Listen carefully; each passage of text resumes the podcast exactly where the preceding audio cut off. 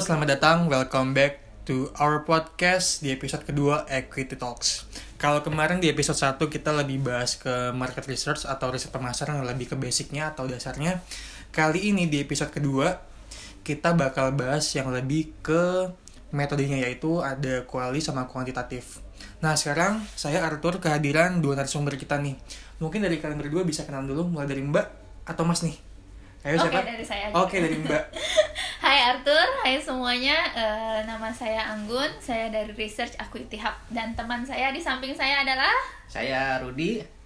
Saya juga dari tim research rekannya Anggun dan terima kasih untuk Mas Arthur udah mengundang kami ke tempat ini. Iya. Yeay. Nah, kalau dari kalian berdua nih khususnya kita mulai dari Mbak Anggun deh. Iya. Mbak Anggun tuh kalau di kantor perannya ngapain sih? Gitu. Eh, sebenarnya research itu ada berbagai macam hal eh, yang dikerjakan. Cuman kalau saya lebih kepada kuan kualitatif area. Oh, lebih karya kualitatif ya? Iya, kualitatif research. Nah, kalau masuk dia ada yang membedakan kah atau gimana? Nah, kebetulan saya banyakkan di kuantitatif. Iya. Agak beda sama Agak beda. Heeh. Wah, masuk nih. Tapi nanti jangan sampai debat ya kalian. Oh, ya siap. Eh, Siap. Nah, kayak kita bakal masuk ke pertanyaan pertama nih. Jadi kalau bagi kalian tuh eh, kuanti sama kuali apa sih? Kalau saya kan dulu pas saya zaman skripsi itu kan kayak lebih mengenal kuali itu lebih ke sifatnya makalah yang lebih penjelasan lebih apa ya deskriptif dan lebih menganalisa. Sedangkan kalau saya udah ingat tentang metode kuantitatif itu kayak berhubungan sama data yang sifatnya angka angka angka semua. Nah, pernyataan kayak gitu masih relevan gak sih sama sekarang ini?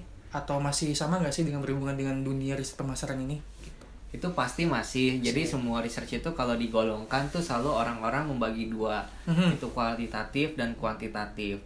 Nah, pada dasarnya sih perbedaannya tuh adalah pengolahan data menjadi informasi. Kan pada dasarnya research itu ingin mengolah data menjadi informasi yang bermakna gitu ya. Nah, kalau di kuantitatif itu kita bermain dengan angka memang kayak Mas Arthur bilang. Jadi dari angka-angka tadi kita biasa olah secara statistik. Kita tahu nih berapa persen orang yang suka, berapa persen orang yang nggak suka. Nah, itu yang dijadikan kesimpulan atau informasi gitu. Hmm, gitu. Nah, kalau mungkin untuk kualitatif Jadi kalau di kualitatif study ini agak lebih berbeda ya.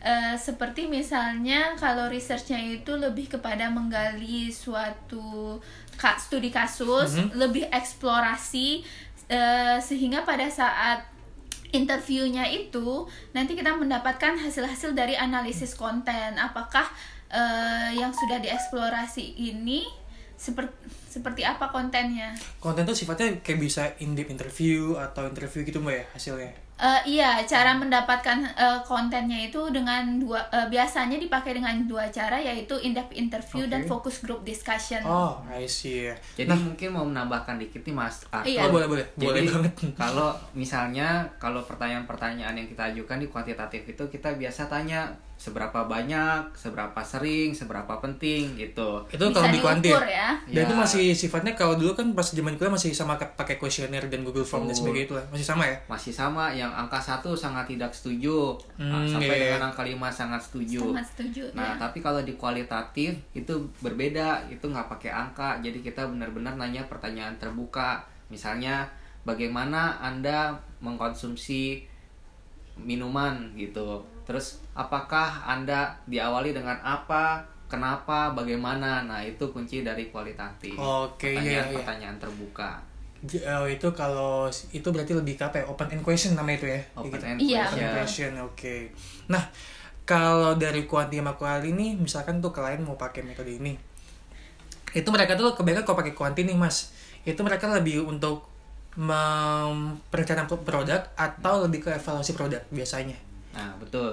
Jadi itu memang sangat depends ke kebutuhan klien ya. Hmm, hmm. Jadi biasanya sebelum mulai project mungkin juga dari podcast sebelumnya kan kita melakukan interview dulu nih Hmm. dengan klien kebutuhan mereka sampai Mencari mana. apa yang mereka inginkan sebenarnya dari Tuh. research ini. Heeh. Nah, tahap itu yang kadang-kadang menentukan juga metodenya apakah mau pakai kuantitatif atau kualitatif. Misalnya ketika ada sebuah perusahaan minuman gitu. Nah, mereka mau meluncurkan minuman tapi mereka belum punya ide minuman seperti apa sih gitu yang pingin dibuat, minuman seperti apa sih yang bakal uh, kira-kira diminati oleh konsumen Indonesia. Nah, untuk memunculkan ide itu kita biasa memakai kualitatif dulu.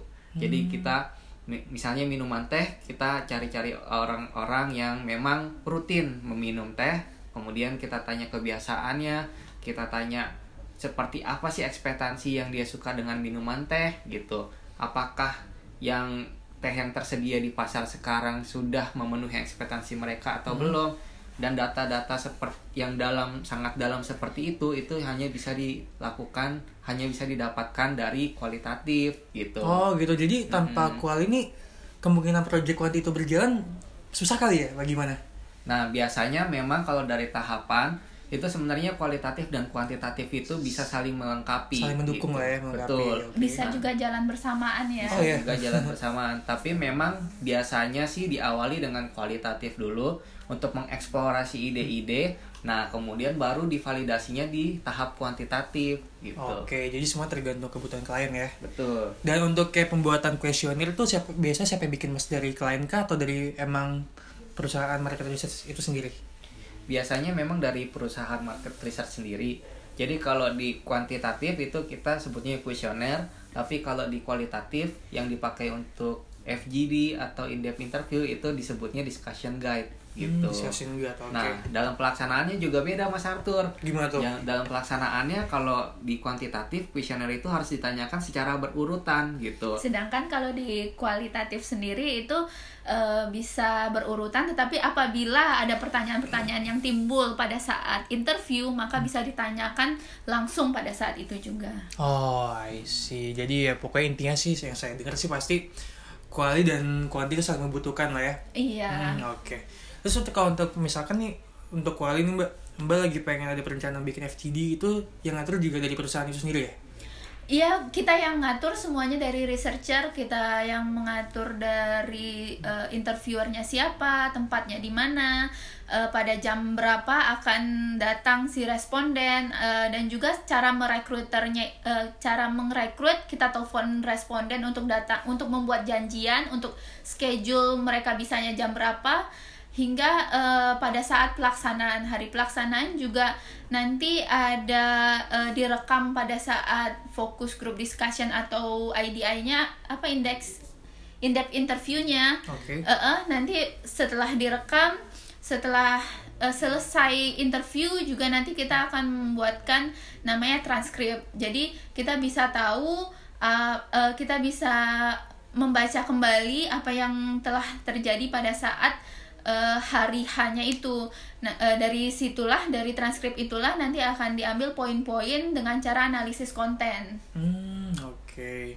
Tapi biasanya Mas sama Mbak nih eh, kalau dari apa ya pembuatan atau proses atau waktu itu ada yang lebih lama, ada yang lebih cepat nggak sih dari penggunaan metode kedua ini? Atau Relatif ya Relatif ya? sebenarnya eh, tergantung apa yang mau dicari dan sejauh mana sedalam apa yang mau dicari itu. oh oke, Oke, semua tergantung dari juga kebutuhan klien lagi ya. berarti Iya. ya. Oke. Nah kalau kita masuk ke pembahasan case studies nih dari masing-masing metode, ada nggak sih pengalaman case studies yang kayak masih masih inget-inget tolong dong ceritain ke para pendengar kita nih gimana tuh Sebenarnya banyak juga ya studiesnya. Eh, cuma beberapa waktu yang lalu ada sebuah perusahaan ini dia menca- eh, dia menginginkan untuk mencari trustworthy sama inovatif dan dia mau eh, mencari seperti apa sih klien-kliennya melihat eh, trustworthy dan inovatif dari ini kuali mbak ya sore iya ini Oke. kualitatif Jadi sebenarnya gini Mas Arthur. Gimana Jadi eh, kebetulan ini tuh campuran dari kualitatif dan kuantitatif. oh untuk case studies ini Ya, oke kebetulan uh, perusahaan ini itu sedang ingin menonjolkan image tertentu yang Mhm. kebetulan itu diambil adalah trustworthy dan inovatif. Gitu. trustworthy itu apa sih mas inovatif itu apa sih Nah, Hmm. itu yang jadi pertanyaan. itu yang juga. pertanyaan Oh, iya. dari perusahaan tersebut seperti apa sih kliennya gitu menilainya oke oke Nah, jadi di dalam hal ini kami melakukan gabungan metode kualitatif dan Mhm. kuantitatif karena kita harus mengukur uh, trustworthy, trustworthy dan inovatif itu.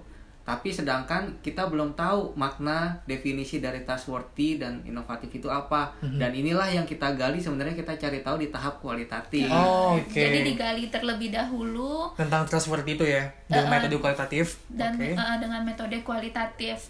Jadi kita melakukan in-depth interview ad- eh, dengan beberapa responden untuk mencari tahu seperti apa sih mereka melihat trustworthy dan inovatifnya tersebut. Nah setelah itu apabila sudah didapatkan sebenarnya apa sih ukurannya gitu. Setelah mendapatkan ukurannya maka baru kita bisa melakukan quantitative research. Oh, nah terus lanjutannya gimana tuh mas? Nah, jadi jadi setelah kita melakukan kualitatif, kita mendapatkan yang namanya atribut. Nah, Atribut, oke. atribut itu misalnya di trustworthy itu ternyata ditemukan atribut-atributnya misalnya yang pertama perusahaan ini dapat diandalkan Mhm. yang kedua perusahaan ini dapat menyelesaikan pekerjaannya dengan tepat waktu misalnya gitu dan sebagainya dan seterusnya nah masing-masing atribut ini kita tahu nih oh ternyata ini adalah atribut yang penting untuk menentukan bahwa sebuah perusahaan disebut trustworthy atau enggak tapi kita nggak tahu nih seberapa besar image trustworthy ini sudah ditangkap oleh customer mereka. Nah, di sinilah peran kuantitatif masuk Mas Arthur gitu. oke. Jadi kita ukur ke konsumen ke customer-customernya mereka dan kita lihat sudah berapa persen sih customer mereka yang menganggap perusahaan ini trustworthy atau inovatif gitu. Hmm, oke. Tapi untuk kayak masalah responden tuh itu juga tanggung jawab dari perusahaan itu sendiri lah ya. Nah, jadi kalau kalau customer itu memang kita harus uh, pilih sih sesuai dengan kriteria yang sudah kita sepakati Oh, gitu, sebelumnya. Uh, jadi memang nggak bisa ambil sembarang customer, tapi memang udah harus ada misalnya sudah bekerja sama dalam berapa tahun tertentu gitu. Oh, jadi untuk responden tuh udah tersegmented lah ya. sudah bukan di tersegmented tapi sudah tervalidasi. Tervalidasi ya, Uh, sesuai kriteria itu ya berarti ya. Oke. Nah, kalau kalian kenapa sih lebih pilih di area bukan pilih kali ya, tapi kenapa sih kalian lebih prefer di area Mas kayak Mas Rudi lebih pilih di area kuanti dan Bang Gun di kuali. Ada alasan khusus kah atau gimana? Jadi sebenarnya gini Mas Arthur, eh, metode metode yang kita pegang itu tuh sebenarnya nggak lepas dari karakter dari researchernya sendiri Oke. gitu. Nah misalnya nih ada orang-orang mungkin yang suka matematika, Hmm. gitu. Iya, betul. Tapi dia kurang bisa untuk ngobrol dengan orang, kurang hangat ketika membangun hubungan dengan orang gitu ya. Nah itu biasa arahnya tuh ke kuantitatif itu se- orang-orang seperti saya gitu Mas mau. Berarti tergantung dari keadaan psikologis ri- riset itu juga ya. Iya. nah, misalnya ada juga orang-orang yang nggak terlalu suka sama hitung-hitungan gitu, Mhm. tapi orangnya tuh luwes, supel, terus suka ngobrol, bisa membang- mencairkan suasana. Nah itu biasa karakter-karakter orang kualitatif. Nah, ini gitu. berarti bangun banget nih ya. Nah, Sangat super humble kali ya. Waduh. Nah, kalau saya sendiri kebetulan karena saya juga suka hitung-hitungan, jadi saya lebih lebih prefer untuk mengambil mendalami kuantitatifnya gitu. Hmm, oke. Nah, selain itu ada selain itu ada case studies lagi nggak sih, Mas, Mbak? Nah, ada nih misalnya nih ya contoh nih. Tadi kan kalau yang study case yang pertama kita melakukan kualitatif dulu baru kuantitatif ya. Mhm. Nah, ini misalnya nih contoh study case yang kedua. Ada juga metode kuantitatif duluan yang dilakukan baru kualitatifnya. Misalnya nih di sebuah sekolah di kelas 10-nya, sorry, di kelas 11-nya ternyata ada 25% siswa yang tidak naik kelas gitu. Nah, makanya kita melakukan kuantitatif. Hasil itu kita dapatkan dari kuantitatif. 25% tidak naik kelas dari 100 orang, artinya 25 orang. Nah, setelah itu dari 100 orang tersebut kita tanyakan sebenarnya apa sih yang membuat Anda tuh termotivasi untuk belajar gitu ya. Ternyata 75%-nya mengatakan bahwa performance guru, sosok guru itu sangat menentukan motivasi siswa untuk belajar gitu. Pertanyaannya pakai close end. Oh, Jadi close end, oke. ya itu kuanti- tahap kuantitatifnya. Oh, kuantit- Jadi kita udah tanyakan apa yang membuat Anda termotivasi untuk belajar. Mhm. Pilihan satu, misalnya ruang kelas yang bagus. Dua, guru yang mengajar dengan berbagai variasi metode gitu. Terus tiga, misalnya eh, cahaya ruangannya terang gitu gitu. Terus ya. Dan empat, ruangannya pakai AC misalnya seperti itu. Nah, diten- setelah kita mendapatkan datanya ternyata dipengaruhi oleh guru sebanyak 75%. Nah, dari 75% itu berarti ada 25% yang merasa bahwa hal lain gitu kan. Nah, di 25% itu kita bisa melakukan in-depth interview kepada orang-orang tersebut atau focus group discussion. Ini baik lagi saling mendukung itu ya. Kualitas Iya. ternyata juga tetap dibutuhin ya. Betul. Nah, dari 25% yang tadi nggak naik itu, 25% yang tadi nggak naik kita kumpulin fokus group discussion dan kita tanyain sebenarnya ekspektasi mereka seperti apa sih supaya mereka tuh termotivasi untuk belajar gitu. Nah, didapatkanlah nanti misalnya eh, ternyata mereka suka mereka kurang kurang punya kurang diterima dalam pergaulannya gitu. Nah, itulah yang ditekankan misalnya seperti itu. Dan data-data seperti itu yang hanya bisa didapatkan ketika kualitatif dan kuantitatif itu dijalankan bersama-sama. Oh, I see. Jadi emang kedua emang sangat berpengaruh untuk bekerja sama ya Iya. antara kedua metode ini. Betul sekali. Nah, kalau bicara tentang pro cons nih, pro dan kontra dari kedua metode ini ada nggak sih? Ada pastinya. Ada, Jadi oke. pastinya karena satu Kok agak tadi agak di ada jeda dulu masih agak mikir-mikir ya. itu Nah, mikir buat pro atau mikir buat kontra ya tadi? tadi pikir siapa yang mau ngomong duluan. Ah, Oke. Nah, jadi emang karena kan sifatnya saling melengkapi nih. Otomatis Hmm. yang satu punya kelebihan dan kekurangan, yang lainnya juga punya kelebihan dan kekurangan di dalam hal lain. Mhm. Jadi bisa saling melengkapi. Misalnya, pertama, yang paling membedakan adalah tujuannya. Nah, tujuannya kualitatif itu kata kuncinya adalah kita mengeksplorasi gitu. Nah, sedangkan kalau untuk kuantitatif kata kuncinya adalah kita mengkonfirmasi. Mengkonfirmasi, Gitu. oke, ya. Betul. Jadi kalau Paham, paham. oke. kalau di kualitatif kita banyak menggali ide-ide baru, banyak mengeksplor hal-hal yang baru, tapi di kuantitatif itu hal-hal itu sudah ada tapi kita validasi melalui angka gitu. Apakah sudah benar? Kalau kualitatif itu eh, seperti kalau kualitatif itu sendiri ada grup studinya. Jadi kalau di kualitatif research itu sendiri sampelnya biasanya lebih kecil dan nggak terlalu banyak lah ya.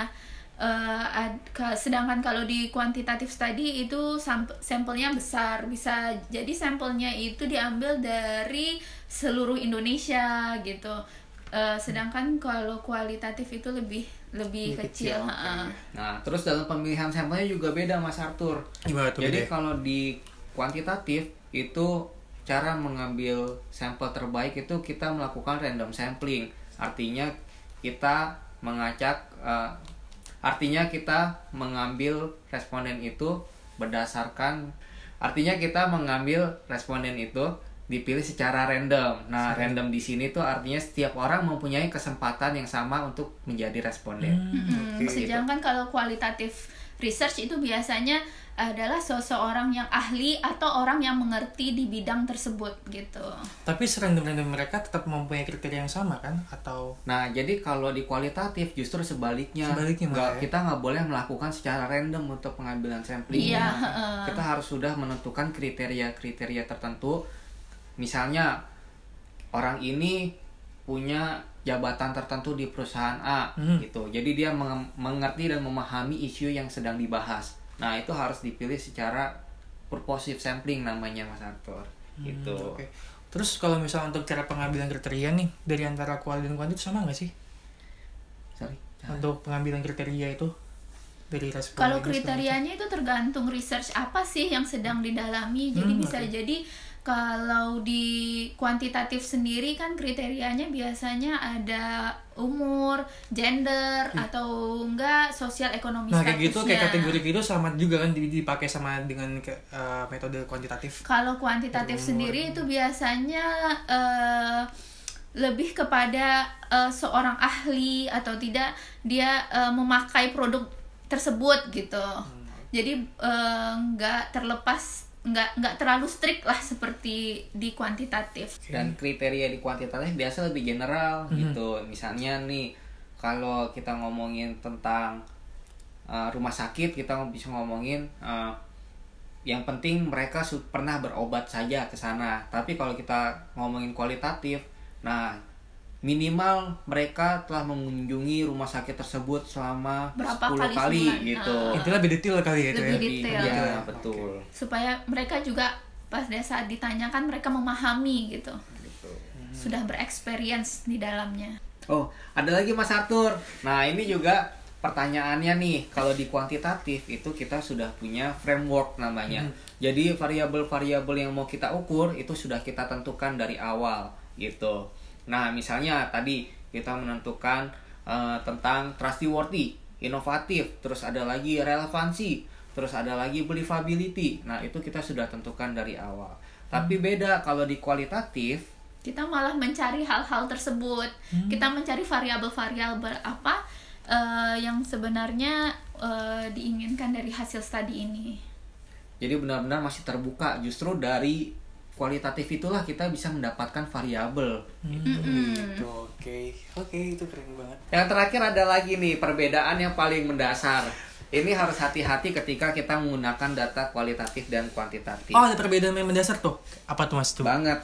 Jadi kalau di kuantitatif karena kita melakukan random sampling dan dengan sampel yang cukup besar, jadi kita bisa melakukan namanya generalisasi ke populasi. Generalisasi artinya kita bisa mengaplikasikan findings kita yang kita ketemu di sampel ini. Oke. Misalnya sampel ini diambil Temuan-temuan di, lah ya. Heeh, sampel ini diambil di Jakarta gitu ya. Hmm. Misalnya penduduk Jakarta kurang lebih ada 9 juta Mhm. gitu. Dan kita kan cuman ambil 400 orang misalnya di sampel. Nah, hasil dari 400 orang ini bisa kita aplikasikan ke hasil 9 juta gitu. Itu namanya generalisasi gitu. Tapi sedangkan di kualitatif itu karena sampelnya sedikit dan cara bertanyanya adalah in depth jadi tidak punya kemampuan untuk mengeneralisasi ke populasi seperti kuantitatif tadi. Oh, oke oke. Iya. Jadi meskipun populasinya 9 juta nih realnya, tapi di N-nya itu itu ada 400 orang. Iya. Jadi di hasil riset itu kesimpulannya sesuai yang ada di 400 orang itu tadi. Ya, Oh, begitu. Hmm. Ah, ah, betul. Kesimpulan dan temuan yang di 400 orang itu berlaku juga di 9 juta Oh, gitu. oke. Tapi kalau kualitatif tidak bisa melakukan Tidak bisa itu. seperti itu. Kuali bisa kayak gitu ya. Nah, tadi juga udah bahas tuh lengkap banget tentang metode kuali sama kuanti. Taunya juga emang masih relevan lah pengertian kita selama yang kita dapetin di kuliah kalau emang kuali itu deskriptif dan kuanti itu berhubungan sama data angka itu masih relevan dengan zaman sekarang. Betul semuanya? Betul. Betul. Nah. Terus dan masing-masing dari metode ini juga ada pro cons-nya dan itu juga tergantung kebutuhan dari si para klien itu sendiri ya mau pakai metode apa dan juga tergantung dari kebutuhan mereka dalam produk perusahaan mereka itu sendiri ya. Nanti ditentuin sama eh, metode itu ditentuin sama dari perusahaan riset itu sendiri ya. Betul. Iya. Nah, karena kita udah di, di penghujung akhir waktu, Wah. ini mau ucapin terima kasih buat Bang Gun Iya, sama-sama. Mas Rudy, thank you banget knowledge-nya. Iya, thank you Thank you atas sharing-nya. Ya, thank you banget. Tadi Iya. jalanan macet. Tapi tadi nggak telat lah ya, aman lah ya. Aman, Aman. aman. Oke, semuanya tunggu kita di episode selanjutnya dengan narasumber berbeda dan topik yang berbeda. Bye.